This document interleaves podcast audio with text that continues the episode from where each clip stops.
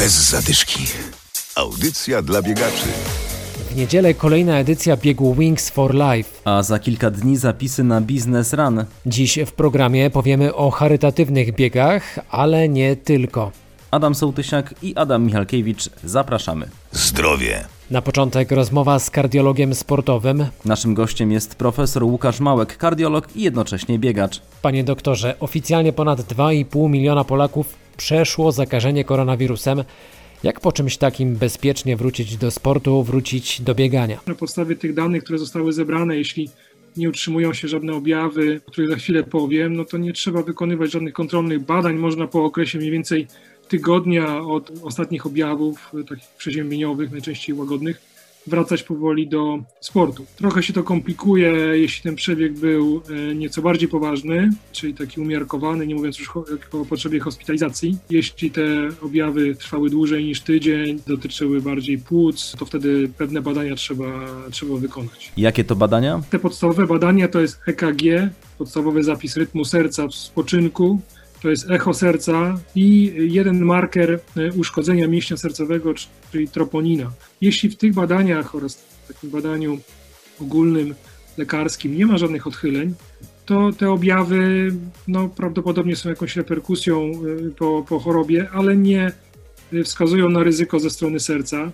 i można powoli wracać do aktywności. Czyli kluczowy jest odpoczynek i ewentualnie badania, i to dotyczy nie tylko koronawirusa, ale tak naprawdę każdej infekcji. Jeśli w czasie infekcji z, z gorączką albo nawet stanem podgorączkowym my dalej trenujemy szczególnie intensywnie, to narażamy, zwiększamy ryzyko zajęcia serca przez taką infekcję. Powinniśmy na ten okres odpuścić treningi i na okres kilku dni, właśnie tygodnia do, od ustąpienia objawów, od ustąpienia tej gorączki. A więc po każdej infekcji, szczególnie gdy towarzyszy jej podwyższona temperatura, lepiej kilka dni odpocząć. Organizm potrzebuje sił na walkę z chorobą, no i później czasu także na regenerację. Naszym gościem był kardiolog sportowy profesor Łukasz Małek. Całą rozmowę znajdziecie na naszym fanpage'u. Bez zadyszki. A teraz wracamy do biegania. W niedzielę bieg Wings for Life, niestety ze względu na pandemię, znowu w wersji wirtualnej.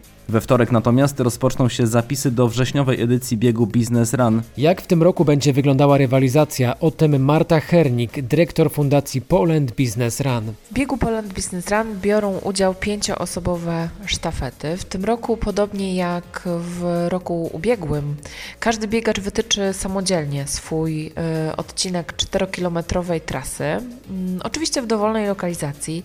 Można pobiec zatem w dowolnej miejscowości, w dowolnym miejscu. Po dokonaniu biegu należy przesłać za pomocą albo aplikacji Poland Business Run, albo strony e, Poland Business Run informację dotyczącą czasu, który poświęciliście Państwo na to, żeby pokonać ten 4-kilometrowy dystans.